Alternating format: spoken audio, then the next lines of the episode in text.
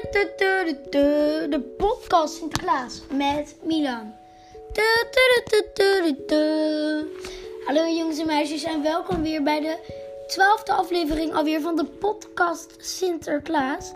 Uh, ja, wat is er veel gebeurd in het Sinterklaasjournaal? Want we zagen dat, uh, ja, dat er gewoon een zak bewoog en dat Malle Pietje, dat er Pieter dachten dat Malle Pietje belletje aan het trekken was.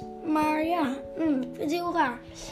Maar dat was Mallepietje niet. Wie was het dan wel? Het was die zak. Maar wie zit er nou in die zak? En toen zagen we even later Mallepietje weglopen. Echt sneu vind ik het eigenlijk voor hem. Want we laten hem niet binnen. Nou ja. En dus heel veel mensen zijn boos omdat de schoenen dus zijn verwisseld. Zijn bij jullie de schoenen wel aangekomen? Uh, ik bedoel met de pakjes. Ik heb mijn schoen vandaag gezet. En weet je wat ik heb gekregen? Ik weet het nog niet. Ik heb hier een pakje liggen. Laten we het met z'n allen Oké, ik heb het opengemaakt. En er zit in een nieuwe schaar. Eigenaardig cadeau. Nou ja, misschien weten we morgen meer waarom ik een schaar kreeg.